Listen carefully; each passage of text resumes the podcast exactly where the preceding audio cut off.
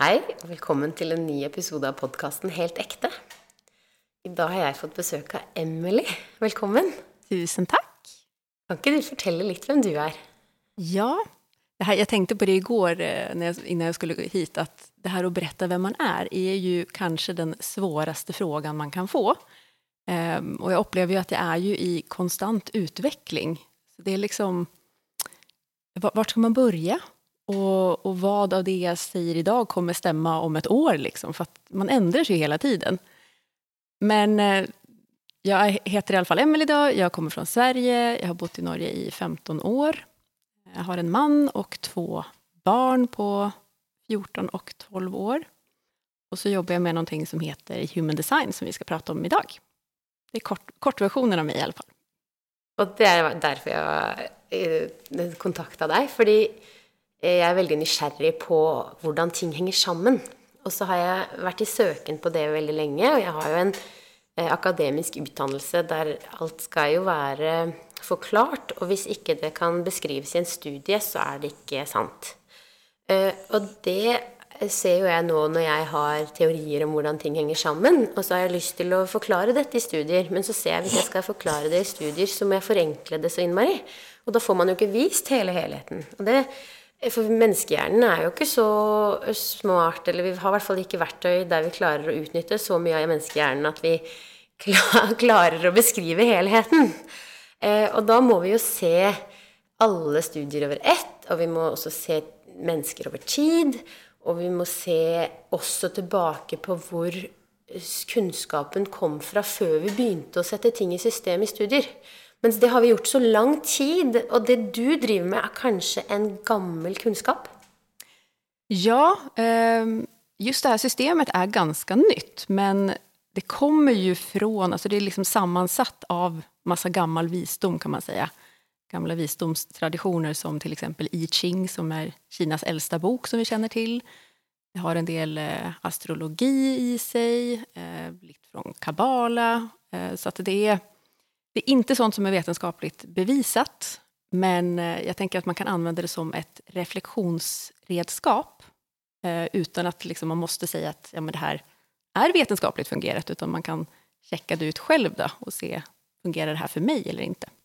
Og grunnen til at man er så skeptisk til sånne ting, er vel kanskje fordi man har opp gjennom historien har hørt at folk kan manipulere ved å, å, å, å få folk til å tro at det er alt, og man kan forutsi fremtid, og vi kan se at i, uh, hos ustabile personer så kan det faktisk ha en negativ virkning i sine liv hvis de gir seg all sin lit til dette. Er det derfor det kan, kan være Ja, og så tror jeg også det har mye å gjøre med at det er klart at det er mange som driver med lureri også i denne bransjen. Mm. Og det er kanskje ikke like stor, eller det er ikke like stor, stor kontrollmekanism rundt hvem som gjør det her ordentlig og ikke, da. då.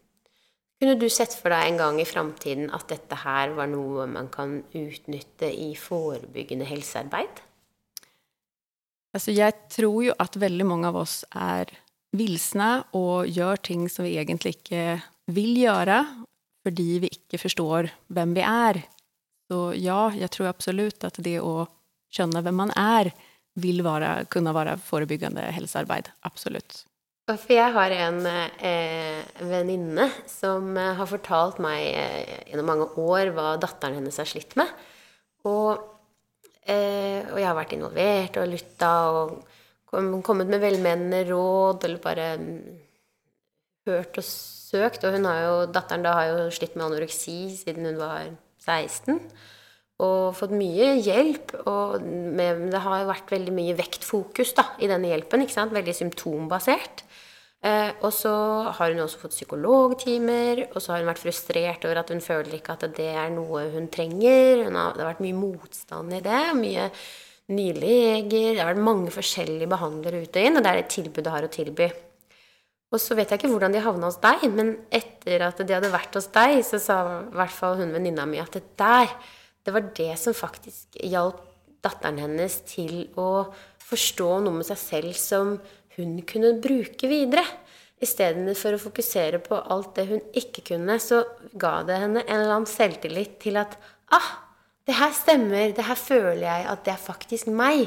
Og det gir meg litt sånn styrke i å gå videre. Så, så da har de faktisk turt å Eller hun datteren, da, fra å være en sånn skikkelig, skikkelig flink pike til å gjøre det hun tror andre forventer. Uten å Hvem er det som forventer? Det er i hvert fall ikke mor. Men, men det å slutte å gjøre det hun tror andre forventer, og faktisk begynne å leite litt innover Men hva kan jeg gjøre nå uten at jeg går på kompromiss med, med det jeg har inni meg, og det jeg kanskje ønsker? Men jeg er kanskje litt for ung allerede nå til å vite hva jeg egentlig ønsker, så da får jeg heller bare lete litt til. Og den, eh, den historien inspirerte meg til å ta, ta kontakt med deg. Så nå kan du eh, fortelle litt om hva du driver med. Hva er egentlig human design? Ja, og det er også en enorm, eh, enormt stort spørsmål. Eh, men i hovedsak så handler det om å finne tilbake til seg selv, altså nesten sånn som du beskrev nå da, at eh, det å begynne å faktisk tørre å lytte innover og tørre å stole på at vi har følelser i oss som peker oss i en retning av hvem vi er, hva vi er her for å bidra med, hva vi kan, hva som er våre styrker, men også hva som er våre sårbare sider. Så det er jo en av de tingene som jeg tror at folk leter mest etter. Det er både ja, men hva er det jeg naturlig er god på? Hva er det jeg kan gjøre hvor jeg ikke må anstrenge meg eller prøve å være noen som jeg ikke er? Eh, Hvor jeg kan liksom bruke mine styrker uten å slite meg ut. Og også det å, å forstå hvor er jeg sårbar? Hvor kan jeg bli påvirket av andre? Hva er mine fallgruver? Hva er det som kan få meg til å, å prøve å være noen som jeg ikke er? da? Eller prøve å leve opp til andres forventninger i stedet for å lytte til det som kjennes sant ut i meg. Og vi snakket jo litt om dette nå før vi begynte å podde òg, at du har redan tatt en sånn runde med deg selv eh, og, og begynt å følge med på ja, men hva er det jeg vil gjøre, hva det som kjennes riktig ut for meg, i stedet for å bare følge det her prestasjonsjaget som veldig, veldig mange av oss havner i. Det jeg også er veldig opptatt av, er at det er mange veier til mål. Og, og det som kanskje ødelegger litt for uh, fremgangen i dette her med alle disse aktørenes ønske om en bedre verden, er jo at alle sitter bare der og snakker om sitt system. Mens det jeg ønsker med denne podkasten, er å åpne opp for en litt sånn bredere tanke om at eh, ja, men kanskje jeg ikke både trenger å gjøre yoga, human design, heart mentality, unique mind Kanskje jeg ikke trenger å gjøre alle, men kanskje jeg leter litt og er litt nysgjerrig og finner noen som appellerer til meg. Kjenner litt sånn på ah, den stemmen likte jeg, eller hvordan eh, den historien og bakgrunnen til den personen, det kan jeg identifisere meg med. Så kanskje dette er noe for meg. At vi ikke skal være så redde og være kritiske til det der tullete human design-greiene som bare er helt alternative uh, bullshit. Uh, men kanskje heller være åpen og nysgjerrig fremfor å avvise alt som kanskje virker litt fremmed. Ja. Og så tenker jeg at det er jo bare å sjekke det ut hvis man er litt nysgjerrig, og så se syns jeg at det her stemmer for meg. Kan jeg bruke det til noe? For hvis det er til nytte, så spiller det jo ingen roll om det er noen som bare har sittet og funnet på dette, eller om det er sant. Og du, jeg spurte jo litt også med tanke på mitt prosjekt som jeg utvikler om hvordan hjelpe fler. Så og i sammenheng med den tannlegejobben jeg har, så spurte jeg også hvordan hjelper du, og hva koster det for å få liksom fremgang? Og da svarte du Ja, det er jo ikke terapi det her. Jeg driver ikke med coaching, utan det er bare en, eh, si, en kartlegging av dine styrker og dine sårbare sider. Eh, Så jeg driver ikke så veldig mye med lang oppfølging. Ofte så har man bare én samtale med meg, og da får man eh, Litt avhengig av hvor mye man kan fra før, så får man kanskje en kort liten rapport, og så samtaler vi i 90 minutter, og så får man en, en innspilling av det som vi prater om da. Og så er det egentlig opp til en selv om det er sånn at man ønsker å gå videre med det her og ta noen fordypning, eller om man syns at dette var nok.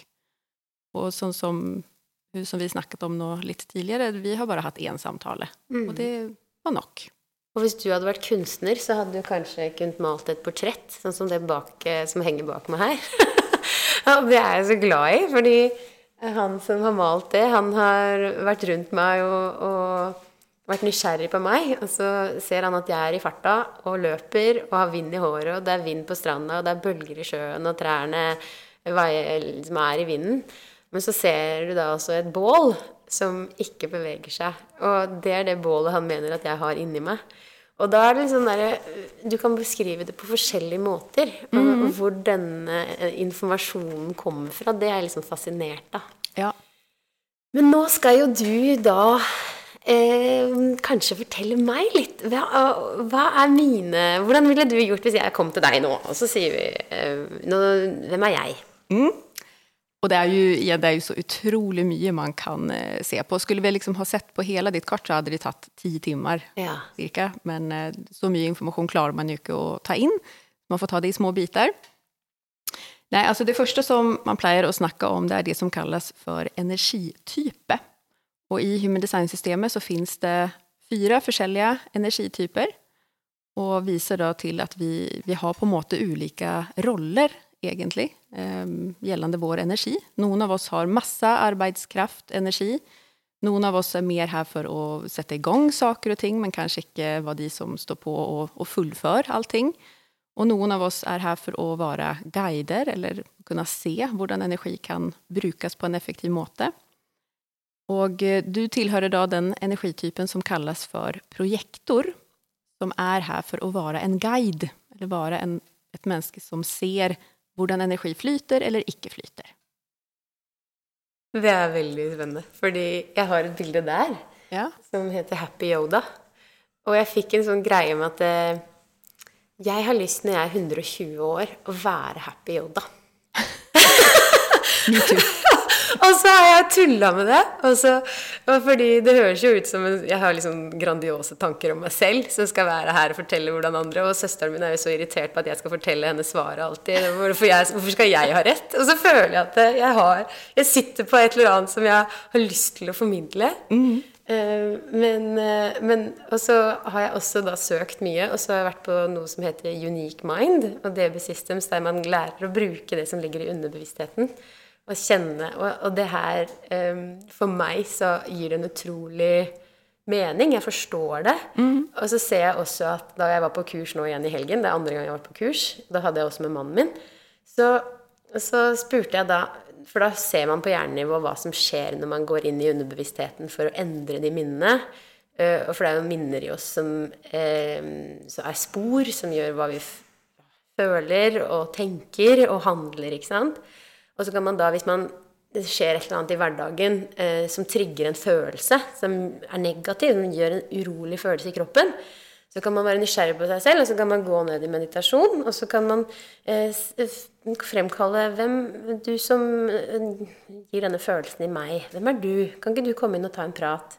Så kommer det kanskje tassende en liten jente at man får en følelse eller et bilde eller et eller annet sånt noe. Kan man ta en Hva er grunnen til dette her? Så kan man ta en liten sånn voksenprat med denne her, og så kanskje gå inn og endre det minnet. Og det jeg fikk for meg da i, i den helgen, at det, var når alle disse sporene, og du faktisk kan gå gjennom livet uten negative følelser, er det liksom Er det mulig? Og da lo hun kursholderen og sa det tror jeg ikke. Og så har jeg jo lært av Anja bare Hva hvis det er mulig, da? Kanskje det er Happy Yoda? Da syns jeg det var litt sånn gøy. Så da sier du at da er jo det kanskje derfor jeg har denne følelsen i meg at jeg må søke, at jeg har kanskje en funksjon som jeg ikke lever opp til bare ved å fikse tennene til folk. Ja, det vil jeg tro. Um, og tilbake til det som du sa nå med å, å, gå gjennom livet og bare ha gode følelser. Det kanskje er også at ikke synes at det er så fælt å ha vonde opplevelser. Altså at man også kan, der kan ta et steg tilbake og se ja vel, da er det det her jeg skal erfare nå. Ok. Kunne, kunne se at det er ikke sikkert at det er feil. Veldig ofte så kommer det jo vekst og forståelse og utvikling fra disse periodene også. Men eh, du har snakket allerede veldig mye om forskjellige systemer. Altså du har liksom en naturlig evne tenker jeg, til å forstå eh, ja, Som det du fortalte nå med minner. Eh, jeg har hørt bitte litt på din podkast og forstått at du har sett på mange ulike systemer, ulike måter å jobbe med mental trening på, f.eks. Tannlegeyrket er jo et slags system, det også, kan man si. Eh, og det er ofte veldig naturlig enkelt for dere som er projektorer, er å se ulike system. Og nå tenker jeg at nå har jo du i tillegg da tatt et steg bak og sett alle disse systemene, og så jeg se ok, her er det noe som ikke helt flyter. Det er et eller annet her som stopper opp. Vi bruker kanskje for mye av venstre hjernehalvdel, f.eks. Og så kan du da være med og se på hvordan vi kanskje kan forene det her med høyre hjernehalvdel, f.eks. Så det är väldigt typiskt för projektorer att kunna se energi på den måten. Och det kan vara både att man ser det i ett system eller att man ser i andra mennesker.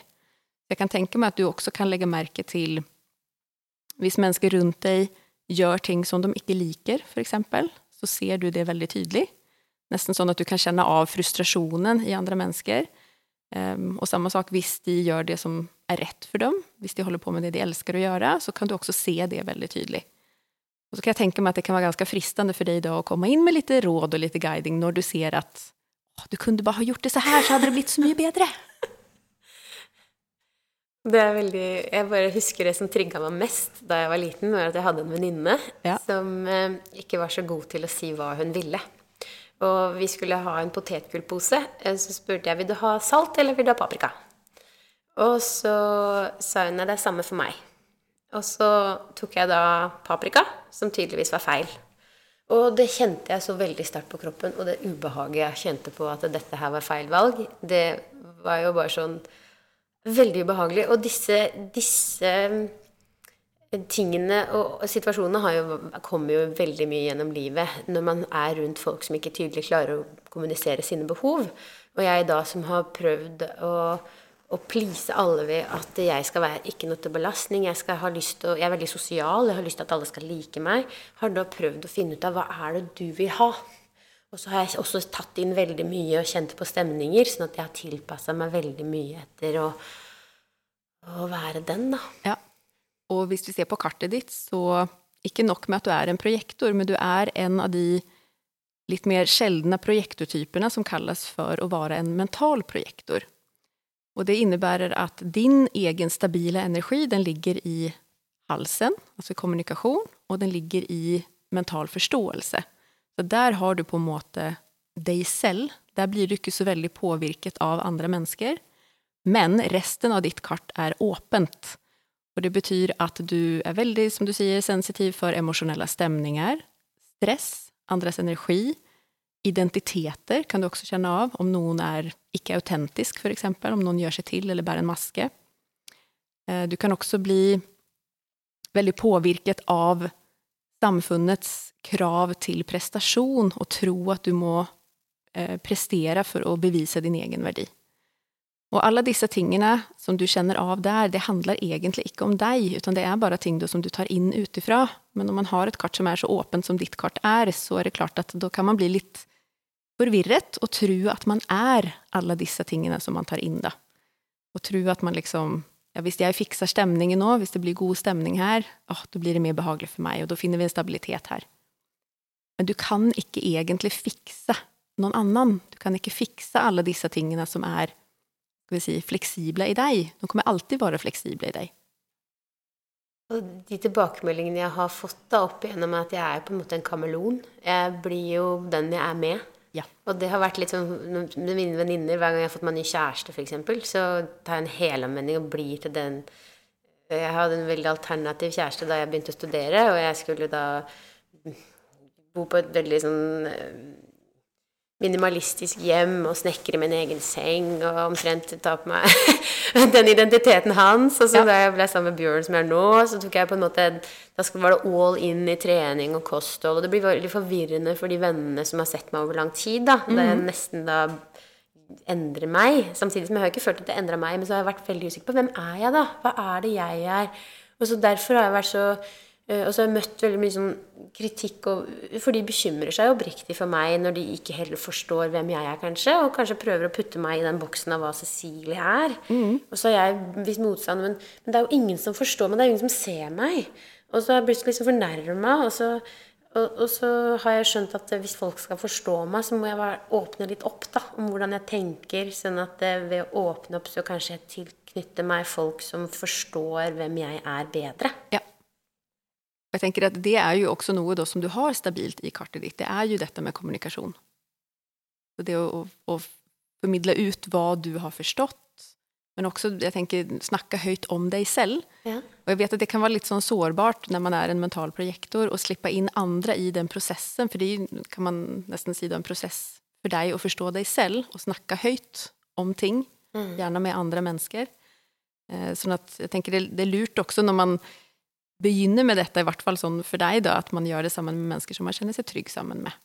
Jeg har jo noen gamle venninner, og spesielt en av de venninnene Hun husker i 40-årstalen min, så sa hun at du er den jeg trodde jeg hadde mest til felles med.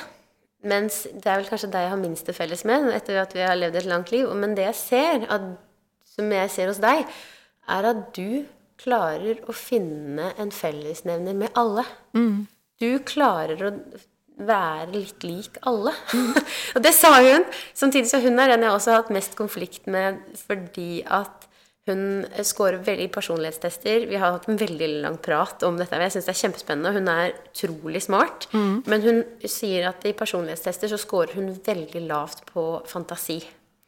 Og hun klarer ikke da å forstå meg, og så er det så mye motstand da, mot det jeg eh, kommuniserer, og fordi kanskje også at hun har blitt utrygg på hvem jeg er, fordi jeg forandrer meg ut fra alle vi er. Ja. Så, så derfor, når jeg snakker om mentaltrening, så skal hun kritisere og pinge på og, og trykke meg ned, føler jeg, da. Eh, og så har vi fått en så sterk motstand at det må jeg bare orker ikke å forholde meg til det. Så har jeg trukket meg litt sånn vekk. Så, men der, men der, der har vi også snakka sammen. Så det, jeg håper jo, da, fordi jeg er så glad i alle disse gamle venninnene mine men, men med å være ærlig og kommunisere og prøve å forstå hverandre, så tenker jeg det her er det en mulighet for et enda sterkere vennskap. Ja, tenker jeg også. Jeg tenker også at det kan jo for mange mennesker også være veldig behagelig å være sammen med deg just for at du er så åpen og fleksibel. At det er ikke så mye som liksom, skal si, butter imot, egentlig, annet enn kanskje din mentale forståelse, da, for der har du noe stabilt i deg selv. Eh, mens resten av alle de her andre eh, temaene som jeg nevnte, det her med altså, emosjoner, identitet, energi, stress osv., der er du veldig fleksibel i forhold til hvem du er sammen med. Da. Ja. Så det kan jo hende at hun også kanskje er eh, stabil i sitt mentale tenkende, og at da møter dere hverandre der, og, og så blir det litt clash, for hun har andre mentale meninger enn hva du har, og så er det ingen av dere som er så veldig fleksibel akkurat der, da. Ja, for det er det jeg merker. Vi er egentlig ganske like steile i vår overbevisning. Og så ja, forstår jeg Ja, mm, det er spennende. Men da tenker du at jeg gjør noe riktig, da? Ved å ha en podkast? Jeg tror at vi automatisk gjør det som er riktig når vi lytter litt inn.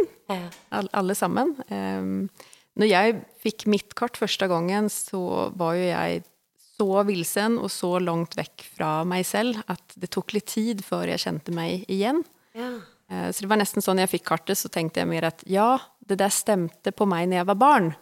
Ja. Men nå har jeg levd liksom i 10-15 år på en måte som kanskje ikke var helt sann da, mot meg selv. Så det tok, eh, tok egentlig noen år før jeg begynte å, å kjenne igjen meg i alle delene i mitt kart. Det snakka jeg faktisk med sønnen min om i dag til morgen. Med det med å ta et sånt kurs om å kjenne på og stole på følelsene og tenke på utnytte styrkene sine. Fordi at når man er barn, så er det tilgjengelig for deg. Mens um, pga. skole og voksne som sier at nei, bier er ikke kjæledyr. Nei, det er ikke sånn. Nei, det er ikke sånn. Du må gjøre sånn. Og den frykten da, Han er ganske lik meg i måten Så, så den frykten den for å ikke gjøre ting riktig, den hindrer han i så mye. Eh, så um, derfor har jeg så lyst til at han også skal Men da kommer vi, da. Eller er det litt tidlig når man er barn å komme for sånt? Um, de fleste som kommer er over 30, Ja. vil jeg si. Uh, og jeg tror kanskje også at vi, vi trenger å gå litt på trynet òg, ja. for å også kunne finne hjem igjen. Annars så får vi jo aldri den følelsen av å finne hjem hvis vi ikke har gått litt vilse først. Så jeg er ikke nødvendigvis så sikker på at man skal liksom forhindre at ting går litt skeis. Jeg tror vi trenger det òg. Så det å være robust og bare støtte barna våre i å tryne Ja. Ja. At, ja, heller det, tenker jeg. At det er Ja. ikke så farlig å bli litt skitten på beina mens vi er her. Vi, vi må nesten prøve ut ting for å skjønne hva som funker, og hva som ikke funker for oss selv. Så det er jo igjen det der med, som du sier, at eh, du trenger ikke gå gjennom livet uten vonde følelser eller vonde ting som skjer. Det vil jo Det er jo livet. Jeg tror det. Så det å bare lære å Sånn som når noen dør, eller en ulykke, eller du blir syk, så bare akseptere og se hvordan man slipper å få unødvendig mye belastning og smerte av det. Hva kan jeg gjøre med dette jeg står i akkurat nå? Ja, og så tror jeg at hvis vi kan innse at livet gjør vondt iblant, altså det er smerte iblant, så tror jeg det også tar bort en del av den ekstra lidelsen som vi legger opp på. Jeg tror det er mye det vi, vi roter oss bort i tankar og ekstra emosjoner og lager et større drama enn hva det faktisk er. Jeg tror vi tåler å ha det vondt litt innimellom. Mm. Men at vi ofte gjør det mye verre for oss selv gjennom å dra med oss det her vonde, eller prøve å unnvike det her vonde, kan faktisk gjøre at lidelsen blir både større og, og varer i lengre tid. Det snakker jeg mye med pasientene mine om, som kommer med traume. De forstår ikke helt hvorfor de er redd for tannlegen. For tannbehandlingen gikk jo bra. De fikk jo gjort det de skulle. Og, så, mens, eh, og da jeg hadde en pasient i går som ikke helt forsto Nå hadde han vært hos meg i fjor, og så kom han tilbake i år og så sa at det gikk jo bra. Så nå visste han at det skulle gå bra, men likevel så kjente han mm, litt sånn uro i magen, litt sånn symptomer i kroppen, selv om han ikke forsto helt hvor de kom fra. Mm. Så snakker jeg, men Der er det spennende med dette med underbevissthet og hvordan kroppen faktisk responderer på det du har opplevd, selv om du nå rasjonelt vet at du er trygg. Og så spurte jeg igjen hva er det som skjedde har du, Jeg ser du har fjernet visdomstenner. Var det da det var voldsomt? For han fortalte om en voldsom opplevelse. Nei, det var egentlig ikke det. Det var da han kom til et sted der eh, eh de ikke kommuniserte så godt. Eh, og han bare følte at de røska og gjorde mest mulig på kortest mulig tid eh, uten å Han visste hva de holdt på med. Og det skapte en veldig utrygghet i han. Mm. Uh, og jeg sa det samme da jeg var på kurs om det med traumer. Det var om EMD, der man går tilbake og ser hva traumer kommer av. Så ser man jo ofte at det Et eksempel på det er at hvis barnet faller og slår seg voldsomt skrubbsår, mye blod, uh, så er det ikke Det er barnet i stand til å takle, det å falle og slå seg. Det som kan ha vært traumeskapende i dette her, er mor som er livredd og hysterisk ringer etter ambulanse og oppstyrer rundt. Og mors utrygghet i dette her. Så faktisk mors følelse har skapt traume hos dette barnet. Mm. Og der tenker jeg da forebyggende helse. Hvis mødre som meg kan bli bevisst seg selv og sitt handlingsmønster og reparere seg selv, mm. så blir vi så utrolig mye bedre for barna våre. Og så kan vi gjøre barna våre trygge i de feilene de gjør. Det lærer man jo egentlig i barnehagen, men jeg skjønte det ikke. Jeg bare hørte hva de sa, disse pedagogene. Ja. Men hvordan? Ja. Og det tenker jeg, nå skal jeg prøve å finne ut hvordan, sånn at jeg kan formidle det. Ja. Jeg holder med. Og det er, altså det er jo noe med å møte et menneske som er på en måte trygg i seg selv, som er autentisk. Det har en smittsom effekt. Det smitter av seg, ikke bare på våre barn, men jeg tenker det smitter av seg på kolleger og venner og alt, alt mulig rart man er borti. Men er det mer i mitt kart, eller er det så åpent at det bare er ikke mer å si? Mass, masse her, vi kan si. Ja. Um, jeg tenkte at jeg kunne ta opp et eksempel her som vi har likt i vårt kart, du og jeg. Ja. Eh, och det är, når när man ser på ett sånt här human design-kart, eh, dere som lytter nå, hvis det er noen som vil gå inn og finne deres kart, så kan dere gjøre det gratis på nett. Dere må da ha tid og dato og sted for fødselen deres. Og så kan man bare google 'free human design chart', så kan man finne det der. Men da kommer det opp en sånn her figur med masse geometriske figurer i seg, og masse tall, og dere kommer ikke skjønne noen ting første gangen. Men i alla de här geometriska figurerna så ligger det alltså olika teman. Och i ett av dessa energicentrerna som både du och jag har helt åpent i vårt kart, så ligger emotioner. Og når man har det åpent, som du og jeg har, så betyr det at vi er egentlig ikke så veldig emosjonelle i oss selv. Sånn at når du og jeg er alene, så er vi ganske cool, egentlig. Og det betyr at vi er egentlig ikke så dramatiske verken opp eller ned. Det kan hende vi innimellom møter mennesker som er altså, supertriste eller sinte eller superglade. Og så kanskje vi tror at oi, nå må jeg også bli med på det her. Men det er egentlig litt unaturlig for oss. Vi er egentlig ikke sånn super opp og ned i våre emosjoner. Men vi kan bli veldig påvirket av andres emosjoner. Hvis noen f.eks. er sinna på meg, eller blir sint på deg, da kan vi bli skikkelig sånn drama queens. Og det her gjør at vi, hvis vi er i ubalanse, så kan vi bli oversensitive for andres emosjoner. Og så tolker vi inn i situasjoner hvor noen kanskje bare er bitte litt irritert, og så gjør vi det til at nå er han kjempesinna på meg. Det er min feil at han er på dårlig humør. Jeg må fikse dette. Nå må jeg skape god stemning her. Og så går vi nesten skoa av oss for at liksom den andre skal få det bra igjen. da. Og det vi ikke helt skjønner, er at andre mennesker kan jo gå rundt med sine emosjoner som ikke har noe med oss å gjøre i det hele tatt. Eh, mennesker som er definert i det her senteret, som har det aktivert i sitt kart, de kan faktisk ha perioder av å være både sinte eller triste eller, eller kjempeglade, uten at det kanskje har skjedd noe. Det bare er som at de har en kjemisk fabrikk i seg som skaper emosjoner. Sånn at jeg har en datter for eksempel, som har det her senteret definert, og hun kan jo ha, ha sånne svingninger. da. Og før jeg skjønte dette via hennes Human Design-kart, så ble jo jeg med på hennes reise og tenkte at det var kjempedrama hvis hun var lei seg en dag eller i dårlig humør. Mens nå har jeg skjønt at ja, det er bare sånn hun fungerer. Det har faktisk ingenting med meg å gjøre. Og hun takler dette bedre enn hva jeg gjør. Sånn at når jeg går inn og prøver å fikse henne, eller fikse emosjonene i et rom hvor jeg syns det er ubehagelig, så gjør jeg det egentlig ikke for dems skyld. Jeg gjør det fordi jeg syns det er ubehagelig. Jeg tenker Når man vet det her, så kan man jo begynne å øve seg på å ikke bruke masse energi på det her. Altså øve seg på å faktisk bare sette seg ned og puste rolig. Legge merke til er det faktisk så her ille i den andre personen? Er det virkelig så flau stemning i dette rommet nå? Må jeg steppe inn og ta ansvar, eller kan jeg vente og se er det kanskje noen annen som ordner denne situasjonen? Og det kan spare oss for utrolig mye energi. Jeg ble jo avdelingsleder på jobben da jeg var ganske ustabil og ikke visste noen ting. og da eh, husker jeg at eh, jeg kom og var helt fra meg og kom inn til eh, eh, kollegaen min Hilde, som er jo fantastisk god på å trygge seg selv. Nå er de så sure, og de bare klager, og jeg var så forbanna fordi at alle var liksom så Jeg så jo ikke hva, liksom, hvor bra det var, og, hun bare Ja, men det, er det sånn, Cecilie, eller er det du som lager dette dramaet nå?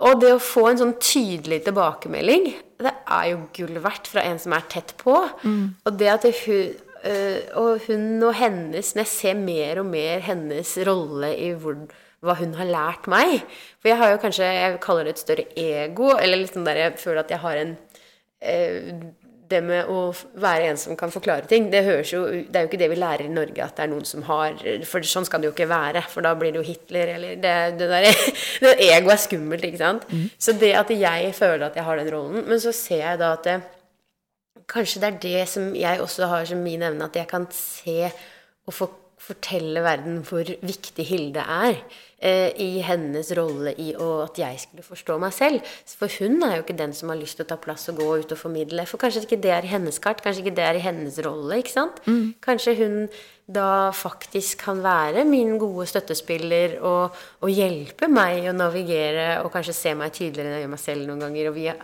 jo da en utrolig god kommunikasjon og reflekterer. Og hun søker jo veldig også mye eh, på sosiale medier f.eks. og sender meg masse spennende. Og, så, så det, og da tenkte jeg på det dramaet. Ja, det jeg sier at det er, det er det jeg gir tilbake. Da blir det jo sånn, da, på en måte.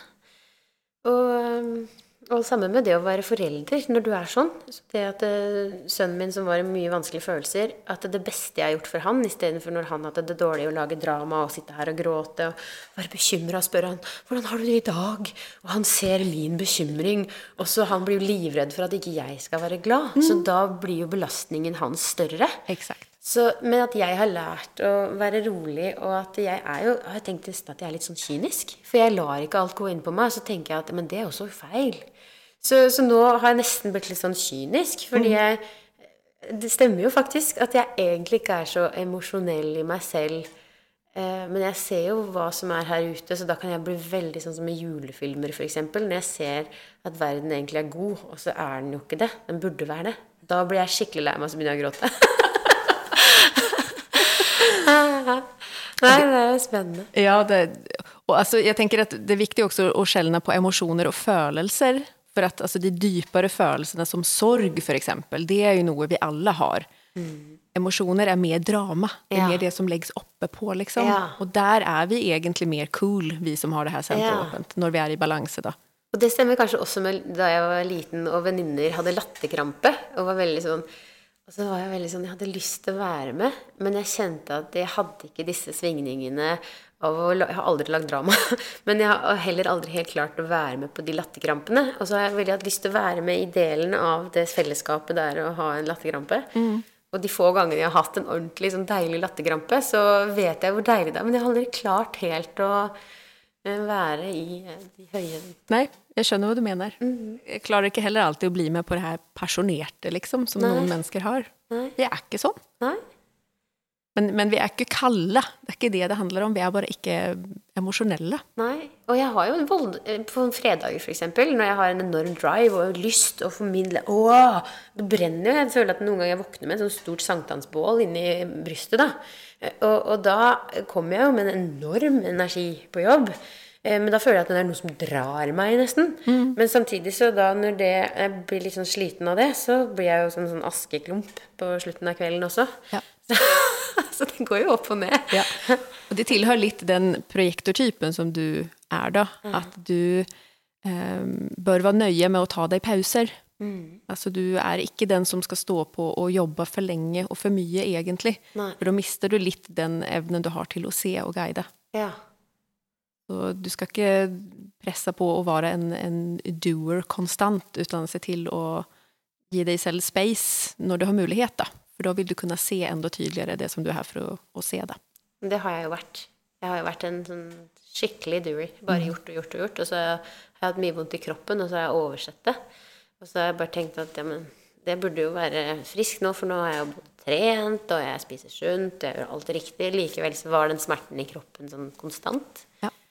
Ja. Så, men jeg kjenner at det å ta pauser og gjøre mindre, i hvert fall gjøre mer av det jeg liker, da. Jeg kan jo våkne klokka seks om morgenen og fire om morgenen og sitte og skrive og bare Men eh, det kjenner jo at jeg jobber mindre som tannlege. For jeg elsker å jobbe som tannlege, men jeg må bare gjøre det mindre for å ikke gjøre så mye. Mhm. Så da er det også et godt valg, da.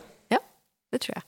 Og så må jeg jo bare nevne, for nå har du snakket om det så mye i denne podden, og det er at din eh, sterkeste superstyrke, for, foruten at du er en prosjektor da, som er her for å se, for det er jo også en, en superstyrke, og, og all din åpenhet er også en superstyrke, for det gjør jo at du kan se så innmari mye. Men du har også en superstyrke som handler om at du er veldig pedagogisk i måten du forklarer ting på. Du kan stimulere andre mennesker til å føle ting. Det kan være veldig stimulerende å lytte til. Eh, Du kan være veldig god på å veve inn historier når du skal forklare ting for andre. Altså at du får med Det begynte der, og så gikk det videre sånn, og så ble det til det her til slutt. Sånn at andre mennesker kan både bli stimulert av det du sier, men også forstå rent pedagogisk. Og i denne superstyrken så ligger det også en, skal man si, en slags lengtan etter eh, de høyeste menneskelige idealene. Så man kan gjerne bli veldig sånn åh, om vi bare fikk til det her, da hadde det blitt så bra for menneskeheten. Og at du kan se liksom de ideene eller de idealene som hadde vært veldig fine for oss å egentlig gi oss hand til eller følge. da. Eh, Sen har du en utfordring i denne kanalen, er, eller denne superstyrkan, og det er at du som projektor med just denne styrkan, du må vente på en invitasjon for at andre mennesker skal kunne høre på hva du sier. Sånn at det går ikke an å ta på seg superheltkepen og liksom ut Og nå, nå skal jeg redde verden her, nå må dere høre på meg. Utan du må faktisk vente og så se hvilke mennesker er det som kommer til meg, hvilke er det som har lyst til å høre på meg, hvilke er det som er åpne for disse ideene. Ja, men der kan du komme inn og påvirke med det som du kan. Og Ayn Rand en Har du hørt om Ayn Rand? Ja, det er en av min manns favorittforfattere. Ja. Og i hennes bok 'Kildens utspring' så står det i forordet at denne boken er ikke for å treffe flest mulig. Den er her for å treffe akkurat de som søker den. Ja. Og det tenkte jeg at det, det å podkastform er jo en veldig kjekk ting sånn, fordi akkurat de som vil, de søker den. Og så har jeg, hvis jeg skal skrive en bok, så er det kanskje akkurat det samme. at det, det handler kanskje ikke om å treffe alle, men kanskje akkurat de rette menneskene til at det, var noen som kunne få bruk for den. Ja. Og jeg tenker sånn som Hilde, da, og hennes eh, ting med å påvirke meg. Og en annen en pasient av meg som er filosof, og introduserte meg til Ayn Rand, og innså dette med at eh, alle disse sannhetene om at jeg ikke skulle ta meg selv på alvor, at jeg alltid skulle være der for alle andre, at jeg ikke skulle liksom eh, ha rett i å føle de følelsene jeg gjorde. Eller, han åpna i hvert fall veldig mye for meg, og da kjente jeg at eh, Ja. De personene Kanskje jeg kan være den ene personen for noen. Så kanskje ikke jeg skal redde verden på en dag, men, men kanskje da, som du sier, um, vente til den invitasjonen kommer til at noen slipper meg litt inn, da. Ja. Og jeg har jo sett det også som et eksempel når jeg da skal prøve litt hardt å invitere en venn med på kurs sånn i helgen, da jeg tenkte at jeg ser Du forteller meg hva, hva du sliter med, og jeg har fått hjelp av dette, så kanskje du også eh, kunne det. Og da møttes det en enorm motstand i hvorfor har jeg tenkt at han trengte det. Han hadde allerede sine svar.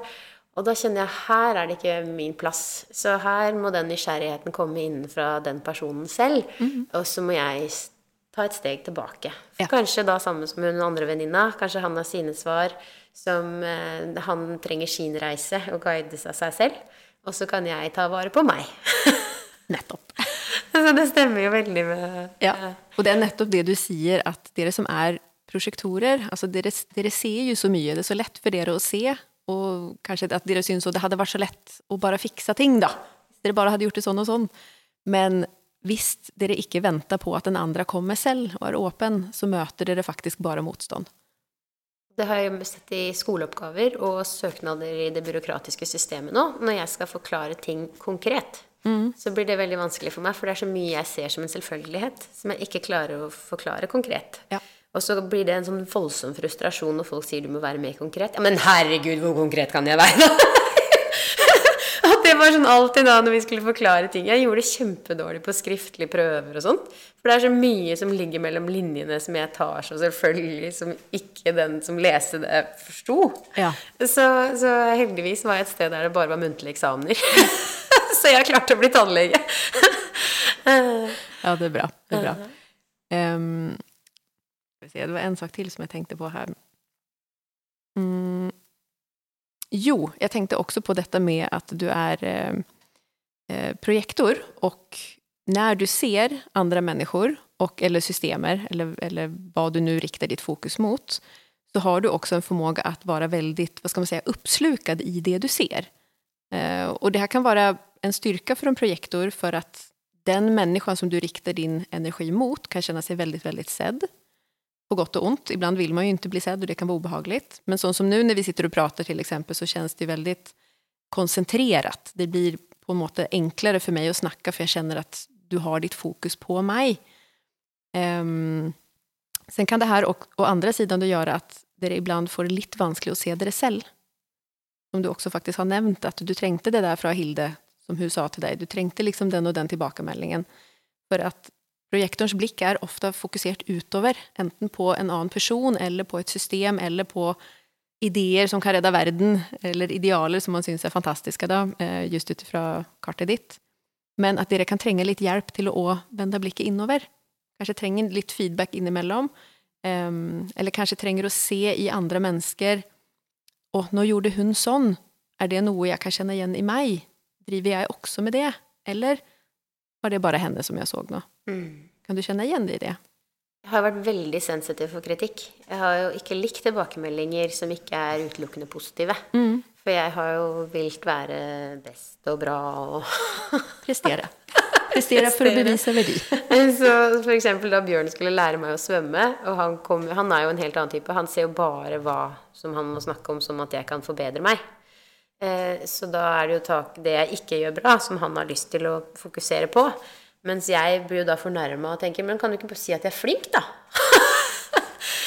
og det tar meg jo heller ingen vei, ser jeg jo. For hvis jeg skal faktisk forbedre meg, så må jeg jo se hva er det her som jeg kan jobbe med. Men uh... Ja, og jeg tenker det er jo ikke nødvendigvis at det er kritikk, men bare å se det man ikke har sett. Mm. Og det har jeg jo skjønt, at tilbakemeldinger det er jo så viktig. Det er en del av god kommunikasjon. Det, men hvis man er trygg på de rundt seg, så tåler man også gode tilbakemeldinger. Mm. Både positive og negative. Eller ikke negative, men konstruktive, da. Mm. Men jeg kjenner meg veldig igjen. Men vel, hva, er det, hva er mine utfordringer, da? Eller hva mer ser du? Eh, jo, nej men altså, jeg, jeg tenker akkurat dette med å kjenne hvor dine egne grenser går gjeldende energi. Mm. er noe som mange projektorer syns er vanskelig. Mm. Eh, og også fordi samfunnet peprer oss i fulle med at alle skal jobbe si og så mange timer hver dag, og gjør man ikke det, så er man lat, videre. Um, og så tenker jeg også det som vi har vært inne på med at du har et så åpent kart, det å lære deg å skjelne deg selv fra andre. Mm. Um, og så tenker jeg at ifølge din uh, human design-karta, så kan det være en god idé for deg å snakke høyt med mennesker som du føler deg trygg på, når du skal ta beslutninger gjeldende deg selv. Og det kan være en prosess som det tar litt tid kanskje å bli kjent med, hvis man ikke har, er vant med det. Eh, men det jeg at det kan være interessant for deg å teste ut, hvis det er sånn at du skal ta et valg, eller gjøre noe som du vet det her kommer påvirke meg over tid. At det kan være lurt å snakke høyt om det ganske lenge, før du på en måte finner en, en følelse av klarhet i deg selv. Da. Det ser jeg på Jeg er med i en organisasjon som heter Lady Circle. Og og da jeg var på landsmøtet der, så er det jo masse positive damer. Masse godfølelse. Jeg har et verv som distriktsleder nå og kjenner at å, det er gøy å være en del av. Eh, og da jeg var der, så snakka vi om at her kan jeg være leder. Eh, og jeg vet at det, det, hadde vært ønskelig for de. Og, og, så sier jeg til Bjørn vet du hva, jeg tror kanskje at jeg kommer til å gå inn i det ledervervet. Bjørn er jo den som kanskje kjenner meg mest Og sa at jeg visste at du kom til å si det etter denne helgen, men jeg tror ikke vi skal ta den avgjørelsen i dag. og da er det veldig godt. Og så kan jeg bli litt sånn jeg har alltid vært sånn der Å, du er så negativ, du er så kritisk. men så er det da eh, veldig, veldig sant. Og så er det godt at jeg respekterer Bjørn. Og samme som eh, da vi hadde barn også. ikke sant? At jeg, da barna gråt, og jeg kjenner at jeg må opp. Eh, mens han også bare Kan vi ikke bare roe ned og gi dem en mulighet til å finne roen selv? Og så var det sånn at jeg hørte da, selv om barna hadde sluttet å gråte, så hørte jeg den forferdelige skrikelyden bak der, for det var jo sånn vondt for meg å høre. Men så så jeg at det å lytte til han også har vært veldig, veldig nyttig for å regulere meg. Så han, ved at han har en sånn syk stabilitet Og det er derfor kanskje også jeg kjenner hvor viktig han har vært for meg. da. Mm. Eh, i, i, i, den tryggheten og at han utligner meg veldig. Mm. Så ja. han er veldig trygg på hvem han er, og han er eh, Ja. Det, jeg, det hadde vært interessant å se på kartet hans òg, men jeg kan jo tenke meg at han har sikkert en del mer definert enn hva du har. Ja. Og da blir det på en måte at du kan bounce litt mot hans stabilitet der hvor du er så fleksibel. At han hele tiden er stabil på visse områder hvor du er veldig fleksibel. Og det kan være veldig behagelig når man har et så åpent kart som du har. Men det var jo veldig utfordrende òg, fordi han er jo en veldig doer. Jeg har jo hatt mye dårlig samvittighet når han ser plantene rundt her i huset vårt, mm -hmm. og hvordan han alltid gjør ting. Mm. Han ordner alt. Han vasker, han henger opp klær. Han er liksom øh, gjør ting hele tiden. Trener når han har et åpent øyeblikk og får gjort veldig mye. Mm. Og så når jeg da har lagt meg ned på sofaen, så har jeg følt meg lat. Og så med en gang han kommer inn døra, så hopper jeg opp for å liksom få dårlig samvittighet for at jeg ikke gjør ting hele tiden. Mm. Men så har vi også konkludert med at jeg trenger mer hvile, for det kjenner jeg så innmari fysisk. Nettopp. Så der har jeg og vært åpen. Er det sånn at du syns jeg er lat hvis jeg ligger og hviler? Nei, du må det. Og, jeg, og når jeg, han ser at jeg blir gira her oppe, er du sikker på at du får hvilt nok nå, sier han. Så han hjelper meg igjen der, da. Mm. Så istedenfor at før så kunne ikke han forstå det, og han kunne også Men du må jo Skal du ikke trene nå? Eller så, så har han blitt også flinkere til å justere hvordan han kommuniserer til meg, for han vet at jeg er litt sånn sensitiv for uh, at jeg skal føle at han pusher meg på noe jeg ikke vil. så vi har jo funnet ut av ganske mye, da, syns jeg. Ja, ja men jeg, det høres virkelig sånn ut. Mm og, og, som vi sa helt i starten nå, at det er mange veier til rom. Mm det, det, er ikke sikkert at alle trenger human design, men er man litt sånn villesen i seg selv, så kan det være et kjempefint uh, verktøy. Jeg har en sånn historie som jeg syns har vært litt sånn rar. Jeg tenker at det, Sånn som Bjørn sier, så er det sånn at ja, ja, det, de forteller det du vil at de, Eller det de tror du vil høre. Men da jeg var i India, da sønnen min var seks måneder, og mannen min og jeg dro på tur sammen med sønnen vår, Og så var vi på en sånn tilstelning der vi hadde fått uh, sånne sarier, og det var en voldsom indisk fest der de hadde på en måte rigga til en sånn landsby uh, på toppen av et hotelltak. Det er jo utrolig hvordan man uh, får til i India. Eh, der det var hanekamp, og så var det en kirke, liksom, det var noen en vielse, og så var det en butikk, og så var det også en spåmann, en som leste håndflater. Og så har jeg alltid vært litt redd for det. Jeg har alltid syntes at det har vært litt sånn skummelt. Hva man får høre når man ikke vil høre. Hva er dette her egentlig? Og så har jeg tenkt at dette her er noe jeg egentlig eh, jeg ikke har lyst til å fortelle til så mange, men noen ganger så kommer det opp at jeg har lyst til å fortelle likevel. Og, og da var det en som hadde levd noen år. Han er 60 og noe, og han hadde vært ambulansesjåfør. Og han kjente at han hadde en periode i livet der han var i noe som han ikke helt var visste hvor han skulle, og så hadde han gått til han som leste disse håndflatene. Så sa han til meg etterpå at han her, han kan Han har noe for seg, altså. Han burde du gå til. Og så tenkte jeg ok, greit. Da tør jeg. Og så øh, ga jeg hånda, og så var det sånn, og så han i bare et sekund eller noe sånt. Og så rista han på hodet, og så babla, og så henta han fram et kort. Og så sa hun dama som oversatte, da, at mm, du er um, velsigna. Du kan gjøre akkurat hva du vil. Og da når du sier at kartet mitt er så åpent, at jeg egentlig kan gjøre da hva jeg vil, at det stemmer litt sånn overens med det du forteller meg her nå, så blir jeg liksom, at derfor hadde jeg lyst til å fortelle den historien nå. Fordi, for det er litt sånn lett å bli avvist på at det er bare tull. For det er det vi hører, det er det vi lærer å tro om alle disse tingene. Eh, Men jo mer man får bekrefta fra det ene systemet til det andre om hva er universelle sannheter, hva er der som en sånn derre eh, ting som vi når vi søker så mye at vi ikke kan avvise det, er det egentlig da forskning? Nettopp. Og, og det går jo ikke an å gjøre et stort forskningsstudie på hvordan alle mennesker føler unikt inne i seg selv. Altså Der må vi på en måte være våre egne forskere, tenker jeg. Og nå må jeg også bare si en ting til om kartet ditt her, når du sier universelle sannheter. Eh, fordi man har også noe som kalles for ens, si, ens livsoppgave. Og din livsoppgave, det som vi kan kalle for ditt, ditt lys, som du her for å spre, spre ut i verden, det kalles for universelle prinsipper. Ja. Altså the gate of mystery, altså den som søker de, de prinsippene som er evig sanne. Jeg er sånn gåsehud over hele kroppen. er så sjukt gøy. Er veldig morsomt at du sa det. Så hele ditt så kallade inkarnationskors, det som du er her for å bidra med, det, det kallas for the cross of Maya. Og det handler om at du er her for å se igjennom illusioner på ulike måter.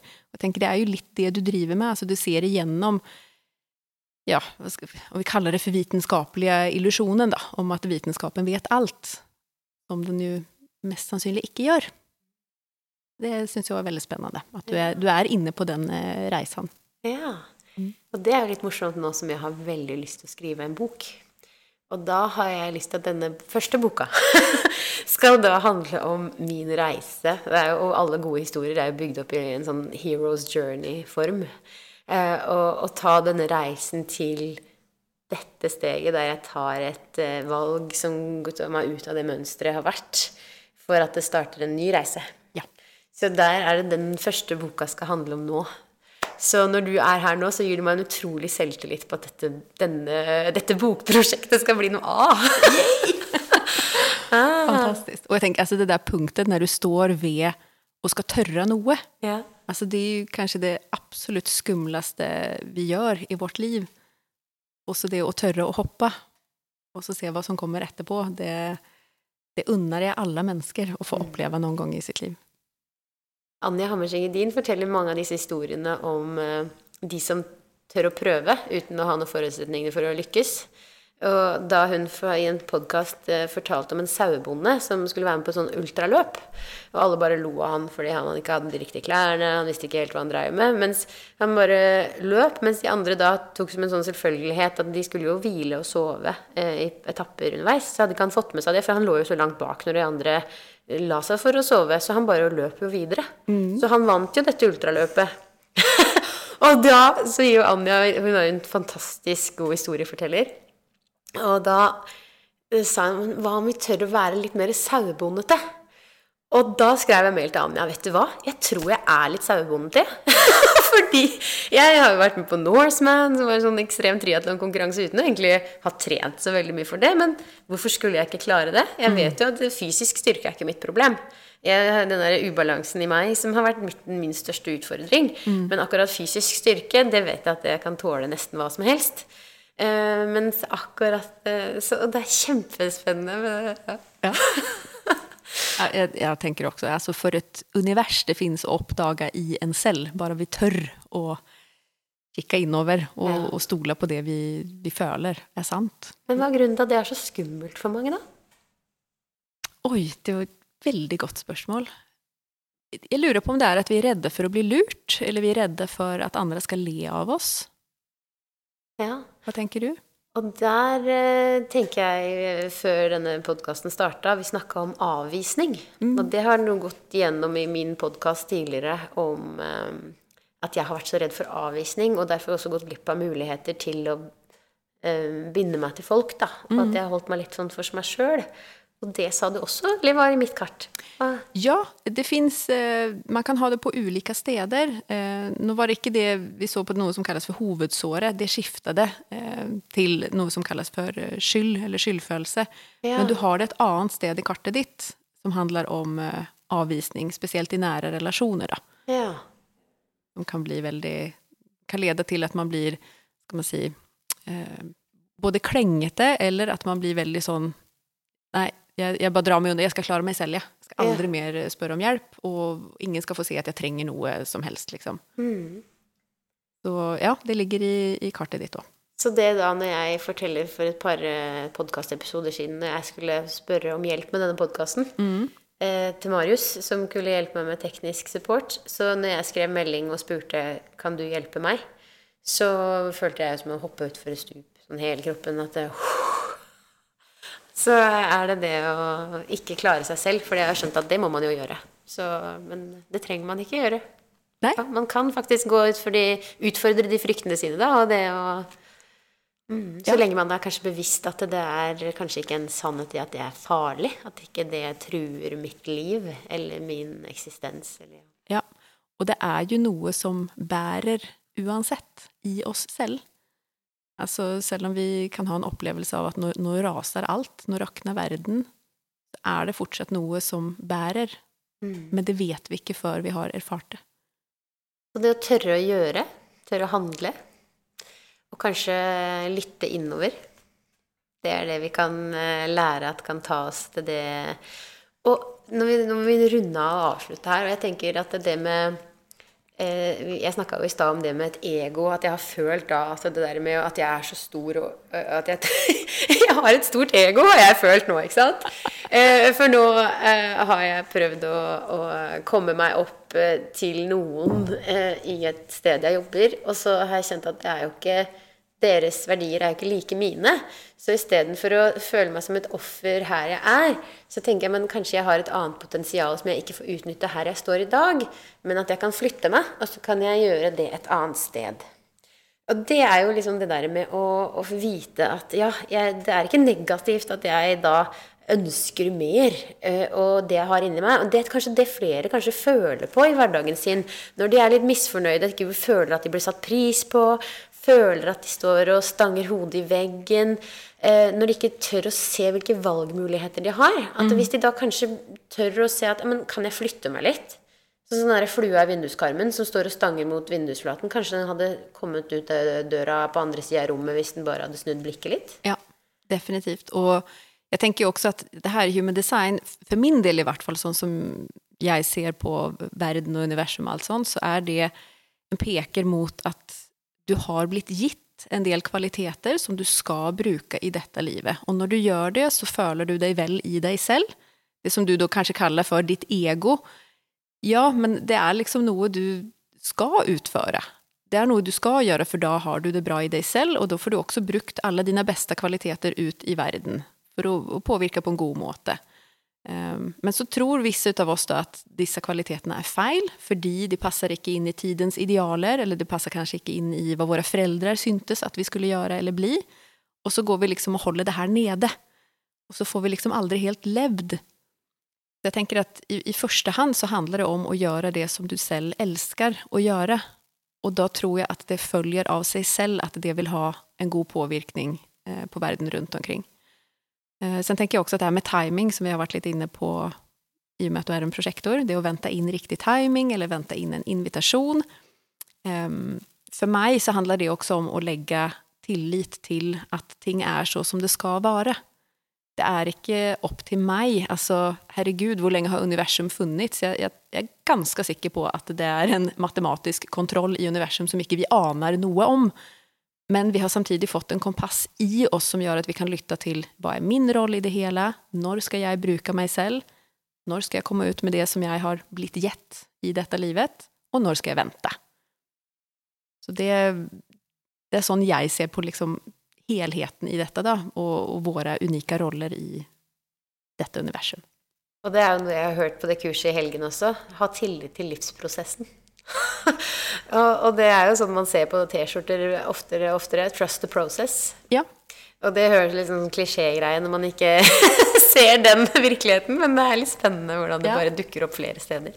Ja, og jeg tenker altså bare følelsen tillit. Mm. Altså ha en følelse av tillit. Ikke tillit til at jeg skal få det som jeg vil. Nei.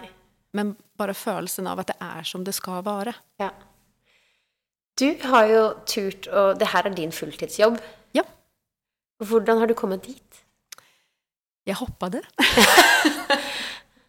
ja, det var altså virkelig å ha krevd, krevd alt av meg å tørre å, å gjøre dette. Eh, så jeg begynte jo også med en podcast her i Norge for eh, må være kanskje fire år siden nå. Jeg gikk fra å være ekstremt utbrent, hadde nettopp separert fra från min eksmann, lå bare på sofaen, jeg var helt sikker på at jeg hadde ME, massa skam og skyld og litenhetsfølelse og, og, alt sånt. Og så fant jeg human design. Og det er ikke bare human design, det er mye annet òg som har, har vært til nytte. Da. Men for meg så var human design så konkret at jeg kunde se ja, men det her er faktisk naturlige styrker i meg som jeg kan og skal anvende meg av. Eh, og så kom jeg da til det punktet hvor jeg startet en podcast om human design her i Norge. Og sen har det egentlig bare rullet på og nå har jeg en podcast i Sverige, jeg har utdannelser i systemet, gjør readinger, holder i kurs osv. så videre. Så gøy. Og hvor finner folk det? For å Jeg har en hjemmeside som heter emily'shumandesign.no. Og så har jeg en Instagram-konto hvor jeg legger ut masse gratis informasjon om dette systemet. Som heter også eh, emilyshumanndesign.no. Så har jeg en svensk podcast som går fortsatt. Og den heter da Human Design med Emily og gjester. Også masse informasjon om systemet. Gøy. Er, jeg tror det er ganske mange som ble litt nysgjerrig etter å ha hørt på dette her. Ja, vi får på det. Så vil jeg bare Er det noe du hadde håpa vi skulle prate om som vi ennå ikke har eh, prata om? Nej, altså vet du, jeg hadde egentlig ikke noen forventninger alls. Jeg er alltid litt nervøs når jeg skal på podcast, fordi jeg vet ikke om jeg klarer å, å plukke fram det som, det som ligger her i. Men eh, så syns jeg du har kommet med masse gode spørsmål, så det har flytet på bra. Jeg syns det har vært kjempegøy. Takk for besøket. Takk. Hej.